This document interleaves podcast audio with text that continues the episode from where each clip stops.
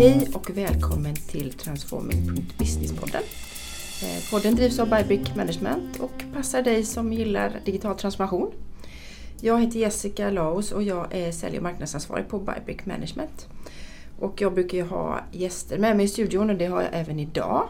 Idag har jag en kille som har jobbat med rekrytering i ganska många år och idag är regionchef på WISE. Intressant? Yes, det stämmer bra. Andreas Sedelund. Ja. Ja, berätta. Eh, vem är du? Ja, vem är jag? Eh, jag heter Andreas Sedelund och eh, mm, en, ett kall som det har blivit i mitt liv är just rekrytering. Jag har jobbat de sista 15 åren inom det hantverket. Mm. Och det var inte meningen att jag skulle landa där från början. Men av någon outgrundlig anledning så blev det så. Och idag är jag då en del utav rekryteringsbyrån WISE Professionals. Och eh, ambitionen med vår byrå är att förflytta synen på rekrytering och också hjälpa våra kunder att lyckas med hantverket. Eh, och vi är en del utav Eh, koncernen Wise Group. Som, som har vuxit ganska mycket va? Ja absolut. Stora. Vi har haft en jättefin resa under de sista åren. Och Wise Group i sitt korta, liksom, sin korta beskrivning är ju en koncern som startar och utvecklar olika specialistbolag inom HR. Så i, det, i den kontexten verkar vi. Spännande. Har mm. du koll på hur många människor du har träffat under 15 år? Nej, det är faktiskt eh, det är oklart får jag säga. Däremot så är det ju intressant varje varje gång, eh, inte varje gång, men ofta när jag går på stan. Mm. Eh, jag jobbar ju ändå inom ett yrke där man inte kan vara öppen med alla sina relationer. Alla vill ju inte vara öppna med att man söker sig vidare från sin nuvarande arbetsgivare. Just det, så om du träffar VDn på ett bolag och säger hej vad kul. Exakt. Eh, behöver inte det vara positivt? Nej. nej. Så varje gång jag möter någon där jag känner igen ansiktet så får jag alltid vänta på om den personen hejar på mig eller inte. Det kan ju få mig att framstå som ganska dryg. Men det får bli en överlevnads... Vad bra att du får berätta om det här Ja, exakt. Nu vet Ja, men det är klart. Nu vet det är mycket konfidentiell, eh, konfidentiella möten. Så är det ju. Och också med, med tanke på vad du säger. Hur många har jag träffat? Jo, jag har träffat många. Ja. Och jag vet inte alltid i vilka sammanhang. Men Nej. oftast brukar man ju faktiskt ha lite pejlen på mm, Man får väl man utveckla den. Ja. Jag fångade ju upp eh, dig eller er i, genom att läsa om att ni satsar på robotiserad rekrytering. Ja. Och då blev jag så nyfiken, vad innebär det? Ja. Och jag tänker vi ska prata om det i, i stora penseldrag idag eh, och, och, och, kanske djupdyka i några frågor. Men du kan väl bara lite kort, liksom, vad innebär robotiserad rekrytering? Det kan ju innebära massa olika saker framför allt så kan man ju välja mellan två spår tror jag. Eh, dels att ersätta människan i rekryteringsarbetet. Mm. Eller så kan man välja det andra spåret som är att underlätta för människan i rekryteringsarbetet. Mm. Eh, och där är det ju egentligen två spår generellt om man tittar på vad som händer just nu inom min bransch. Men vi har valt eh, det senare, det vill säga att underlätta för våra konsulter så att man får mer tid för det mänskliga mötet och den mänskliga interaktionen. Både med våra kunder och med våra kandidater. Just det, och då jobbar eh, roboten med enklare uppgifter, tänker ja, du? Ja, exakt. Mm. Vi har egentligen eh, vi har start, vi har, eh, vår automatiseringsresa har startat med utgångspunkten att vi vill börja någonstans. Mm. Eh, och vi vill eh, eh, se vilken teknik som finns till hands i nuläget. Och börja där vi tror att vi har liksom den enklaste Ja men för att använda det krångliga ordet return on investment. Jo men det är väl det det eh, handlar om. Ja men absolut. Eller hur? Om man testar sig fram. Men om man bara ska ta det i korta ordalag så har vi ju en hel del administration i vårt yrke. Precis som de flesta andra har. Och eh, våra konsulter som jobbar med rekrytering som hantverk på daglig basis går ju oftast inte igång på den administrativa delen utan motiveras ju av de andra delarna i hantverket. Så mm. det vi har gjort i steg ett nu är egentligen att använda en mjukvarurobot som helt regelstyrt egentligen utför administrativa uppgifter under processens gång. Just det, Det Glenn. som- Ja, exakt. Hen, Namngiven hen, hen heter Glenn, ja. Exakt. en Göteborgs... Eh, Ja, men eh, så är det ju. Det, eh, initiativet startade här i Göteborg. Eh, och eh, av den anledningen så har vi också fått eh, möjligheten att påverka eh, namnet på vår nya digitala kollega. Och det blev Glenn. det är jätteroligt. Ja.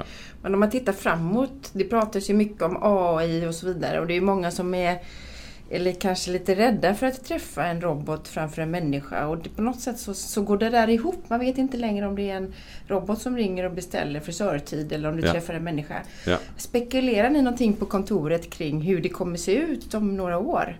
Absolut. Men Jag tror det gör säkert de flesta, eh, tänker jag. Men eh, det handlar ju alltid om var man befinner sig i sin förändringsprocess. Både vi som samhälle eller liksom vårt näringsliv men också hur det är i min organisation.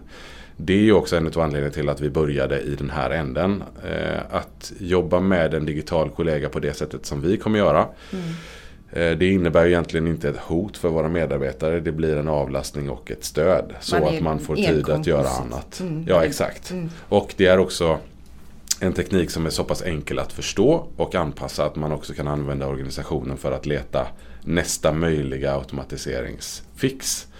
Så att man får ju, eh, i vår erfarenhet så här långt i alla fall, en helt annan resa med att få verksamheten med sig. Och tittar man då på den stora frågan eller din ursprungliga fråga, vill säga, hur kommer det se ut i framtiden? Det vet vi ju inte. Nej. Men med all sannolikhet så kommer ju tekniken att ta mycket större plats eh, och i fler steg än vad vi eh, använder tekniken till idag. Men det kommer ju att krävas att vi har människans tillit till det stödet. Ja, för jag tänker att jag vill ju hellre träffa en människa som bedömer mig. Men Ja. jag vet ju samtidigt att människan som bedömer mig förlitar sig idag mycket på digitala personlighetstester. Så kan det vara. Eh, Och att de då anses kanske skickligare. De är framtagna med massa algoritmer Ja. på att se vem jag är. Du är en blå person med inslag av grönt. Så kan det vara. Men de här testerna är ju, det finns ju eh, åtminstone ett, eh, ett, ett evidensbaserat underlag för eh, de här testerna. Det som sker om man inte använder tester det är ju absolut inte evidensbaserat. Det är ju baserat på vilka grundläggande fördomar den personen har som jag möter. Eh, brottas med och hur skickligt man lyckas distansera sig från dem. Så att kombinationen mellan människa och teknik eh, tror vi ju i nuläget är det bästa. Också för att du som kandidat ska känna att du blir rättvist bedömd. Det är inte så mycket magkänsla i de här evidensbaserade. Nej, Nej. det plockar man ju bort. Mm. Men samtidigt om man pratar upplevelse, för det är ju också det man behöver ta ställning till i vårt hantverk. Om du som kandidat blir intervjuad av en robot och du inte litar på att du blir rättvist bedömd av en robot, för att det är där du befinner dig i tillit till tekniken, så missar vi ju ändå liksom målet. Vi Ja. vill ju vara en attraktiv arbetsgivare och genom det sättet som vi driver vår rekrytering på så sätter vi ju avtryck på alla människor som kommer i kontakt med oss. Inte bara den som faktiskt får jobbet i slutändan. Så det är det jag menar med var vi befinner oss i vår förändringsresa som stort. Jag menar att åka i en förarlös bil exempelvis. Eh, tror jag inte många tyckte kändes aktuellt för tio år sedan. Idag tror jag att ganska många människor skulle kunna tänka sig att sätta i en sån bil och kanske känna sig lika trygg som att åka med någon annan. Vi är ganska snabba på att adaptera den nya tekniken på många sätt. Ja, Faktiskt. ja om tio år är snabbt.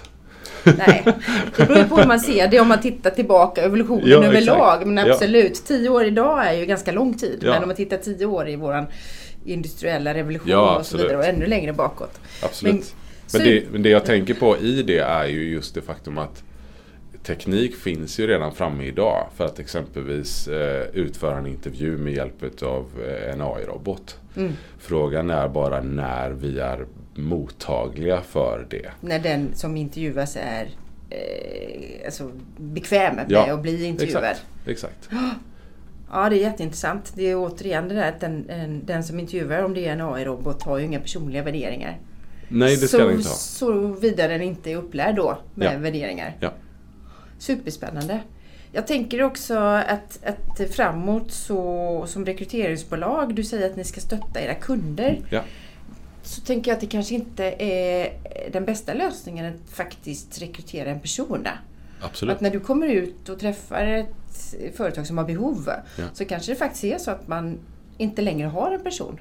Tänker du att ni framåt också kan rekrytera eller erbjuda robotar?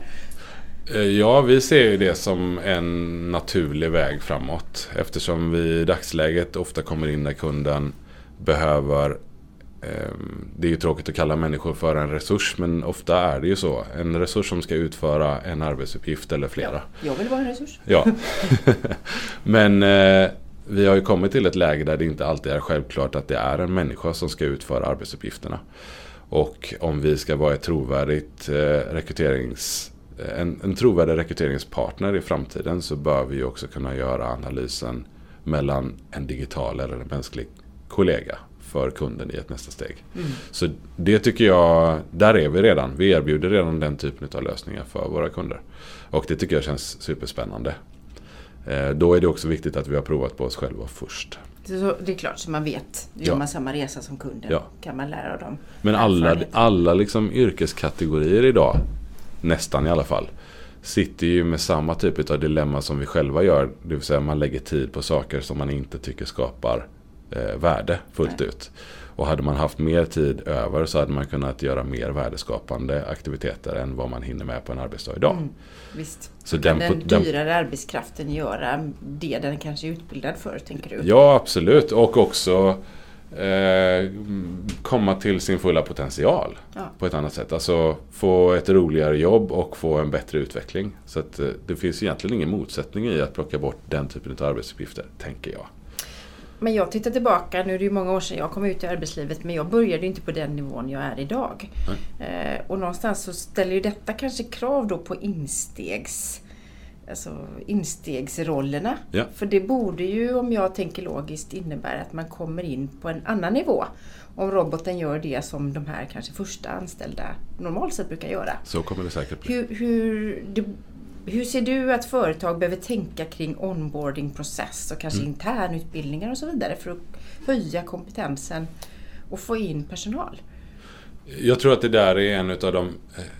Tillsammans med förändringsledning så tror jag att det är en av de två viktigaste frågorna för i princip alla företag framåt. Eller verksamheter, och organisationer för den delen. Att kunna ställa om personer till nya arbetsuppgifter och lära personer som man redan har hos sig att göra saker på ett annat sätt. Det är, det är en jätteviktig framgångsfaktor. Men eh, på samma sätt blir det ju som du säger om vi då plockar bort instegsroller. Det ser vi ju redan händer. Vi har ju, man kan ta ett klassiskt område som revisionsbranschen exempelvis. Ja. Som anställer eh, studenter. Eller nyexaminerade studenter från eh, eh, universitet och högskola.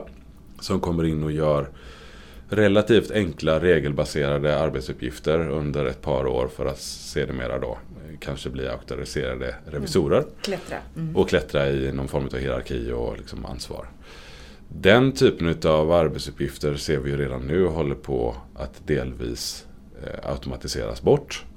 Eh, och då är ju frågan hur, hur skapar man en rustad auktoriserad revisor utan att den får möjlighet att lära sig det liksom, den vägen som vi har sett tidigare. Ja, precis. Och då blir ju det du är inne på, onboarding, superintressant och hur man får ett lärande i organisationen att fungera utan att behöva gå, eller utan att kunna gå den vägen som vi av tradition har gjort. Och det här tycker jag, det här kan man säkert se i de flesta verksamheter. Ja, för jag tänker att många gånger det jag har lärt mig av genom åren, det är inte bara mina framgångar, det är också mina misstag Ja, som jag måste få göra. Ja. Eh, Och de misstagen begår kanske inte en robot. Samtidigt som jag inte begår dem så vet jag inte och och vet inte vad jag inte vet. Nej, Eh, Jag, precis. ja, det är en spännande utmaning. Ja. Och jag tänker också det som du säger med att idag det klassiska kommer du ur högskolan. Och sen så, så och då har du lärt dig mycket under 20-25 år kanske. Ja. Så har du trattat in massa. Ja. Och sen så lär du dig inte något mer. Du går inte tillbaka till skolan. Nej. Det ser jag i alla fall eh, borde ändras framåt. Så att Ja, Du tänker att man kommer tillbaks i skolbänken på regelbunden löpande basis? jag att Ja, och om det då är skolbänken eller om det är som jag menade tidigare då eh, i den organisationen som jag utvecklas. Det behöver ju inte vara eh, antingen det ena eller det andra. Men det jag menar är att alla organisationer behöver ju egentligen bli kunskapsorganisationer. Det vill säga Mm. duktiga på att dela och utveckla kunskap hos de som är i organisationen.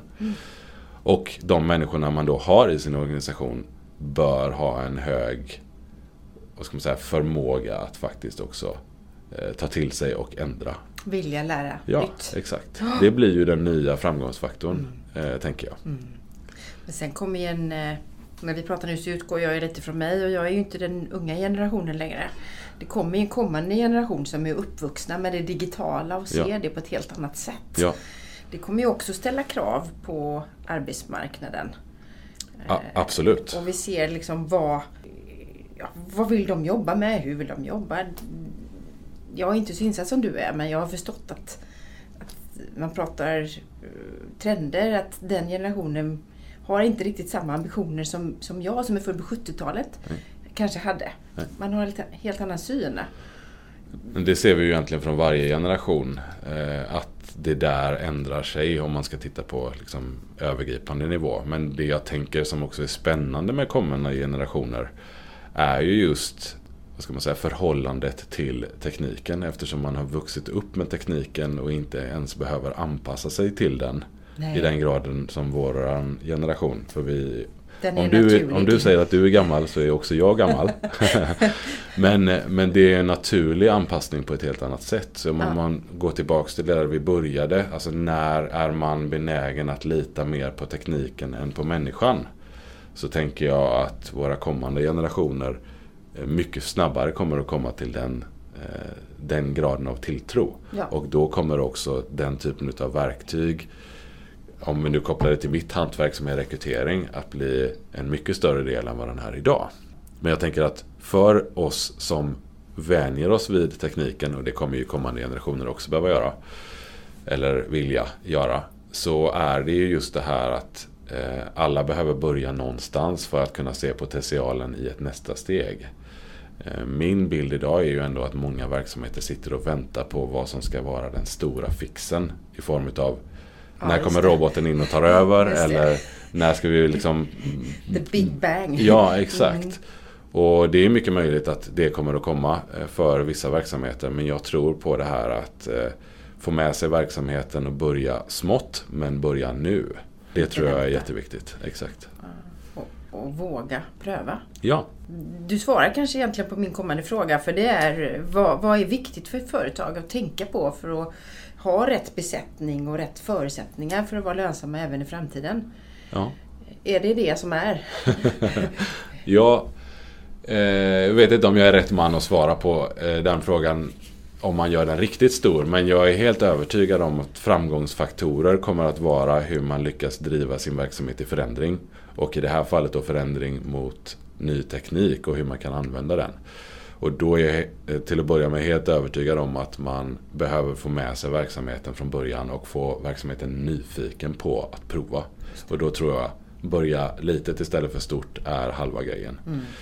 Eh, Den andra delen handlar ju också om att ställa om. Det vill säga vissa roller eller vissa uppgifter kommer att försvinna. Och då behöver vi bli duktiga på att få människor att vilja lyckas i andra roller eller med nya arbetsuppgifter. Och vi behöver också rusta eh, människor för att kunna lyckas, precis som du var inne på tidigare. Alltså antingen från skolbänken eller från eh, praktiskt lärande liksom, i verksamheten.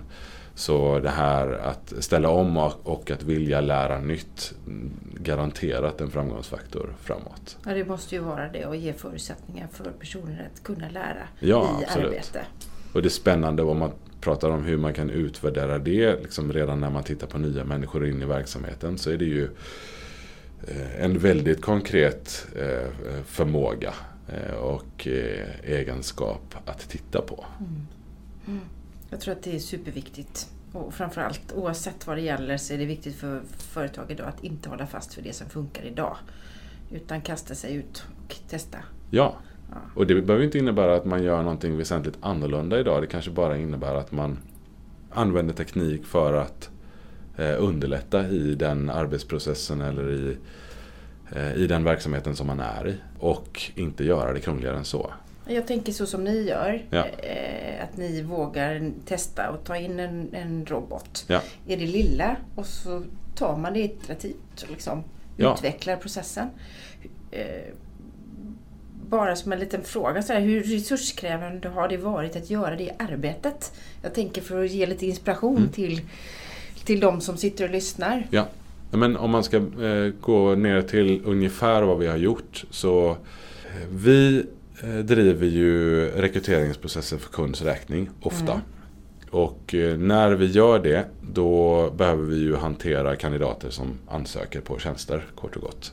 Och det första som händer när en kandidat söker på en tjänst det är ju att vi kvalificerar kandidaten på skallkrav från kravprofilen och sen så skickar vi ut tester. Personlighetstester och faktiskt då ett test som mäter förmåga att lära nytt. Ah, Så att eh, det mäter vi redan på Mm. idag. Det är två specifika tester. Och här kommer ju då en löpande administration. Varje gång någon söker en tjänst ska den kvalificeras och sen ska, om den kvalificeras, det då skickas ut en, en testlänk. Och sen så ska man bevaka att testsvar kommer tillbaks från kandidaten eller så ska vi påminna. Och när vi har fått tillbaks testsvaren så ska vi återföra det då i eh, vårt rekryteringsverktyg där vi sammanställer vårt urval. det. Och det här gör ju då människan idag. Och inget i det här steget, eller eh, inga delar i det här steget går ju inte att sätta regler på. Så därför började vi där. Så det roboten gör är att utföra alla de här stegen eh, och eh, kvalificerar egentligen då kandidater eh, till steget där den första mänskliga interaktionen kommer även i vår ordinarie process. Och det är ju en telefonintervju liksom, där vi stämmer av att allting liksom verkar vara som det ser ut. Mm. Så det här steget började vi med. Eh, och vi använder oss av en teknik som heter eh, RPA.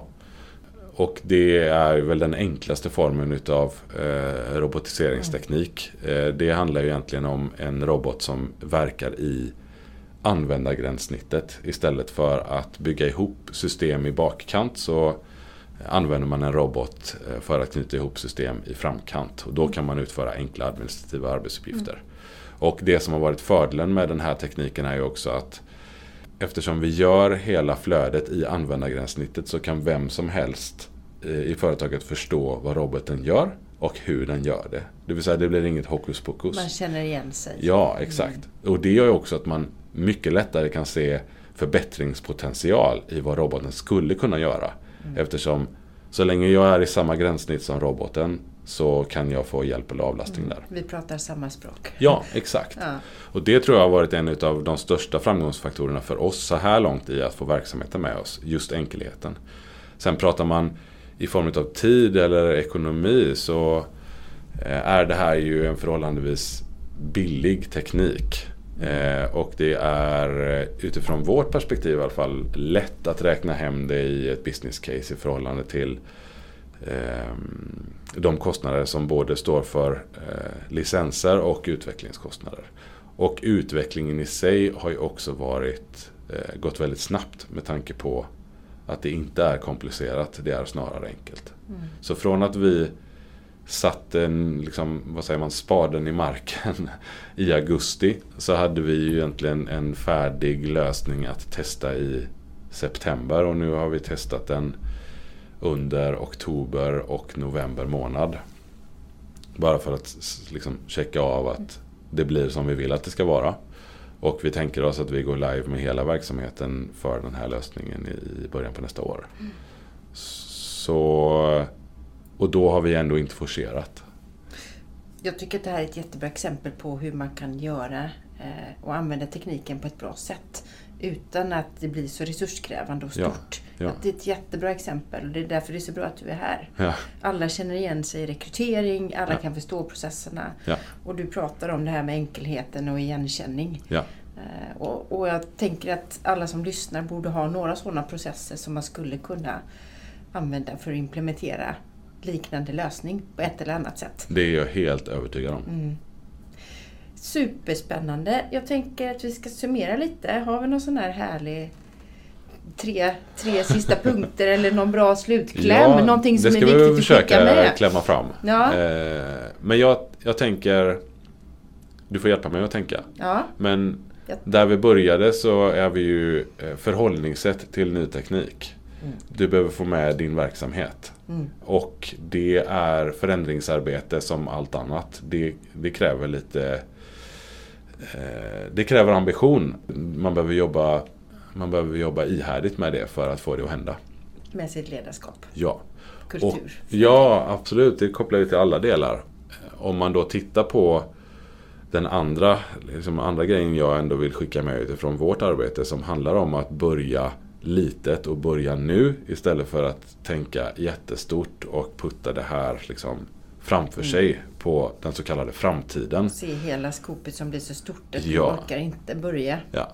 Och då tror jag man kommer att ställas inför en förändringsresa som heter duga. Om man går från 0 till 100 i liksom, eh, sitt arbete med robotisering eller automatisering. Mm. Så att eh, just börja, börja någonstans och eh, att lära sig medan man gör.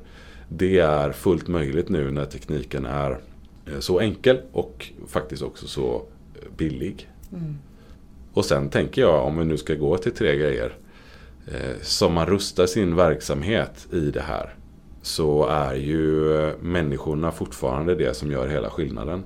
Ja. Men eh, de människor vi vill ha med oss på den här resan.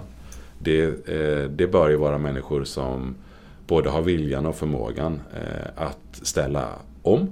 Och eh, också vara en del utav förändringsresan. Och det kan man ju börja jobba med redan nu om man inte gör det. Mm. Gud vad bra.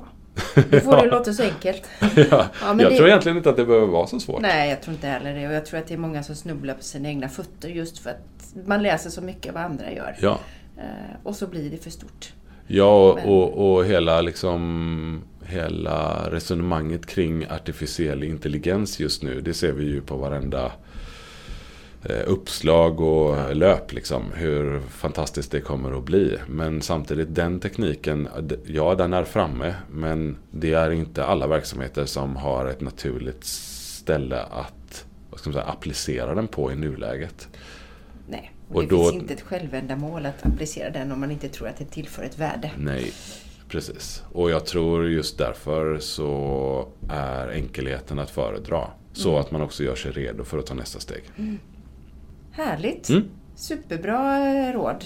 Ja, jag hoppas det. Ja, men det låter... Ja, men det är bra. Jag måste säga resan, resan som vi har gjort så här långt och vi är ju, långt, vi är ju verkligen precis i början. Eh, initiativet kom i början av året. Vi gjorde en utvärdering liksom fram till sommaren och sen satte vi igång i augusti. Men eh, eh, känslan i verksamheten nu och inställningen till att driva det här vidare. Den är ju jättehäftig. Eh, så att det har ju verkligen bara adderat lust liksom, och engagemang i min värld. Snarare än att vara ett jobbigt sidoprojekt som ska drivas för att. Liksom. det Så det jag. vill jag verkligen, Mm. om man inte redan har börjat så tycker jag att man ska börja. Det får bli ditt slutord. Ja, Ja, stort härligt. tack för att du kom hit och Tack delade själv. med dig av din klokskap. Tack själv. Ha? Det var bara kul. Tack. Ja.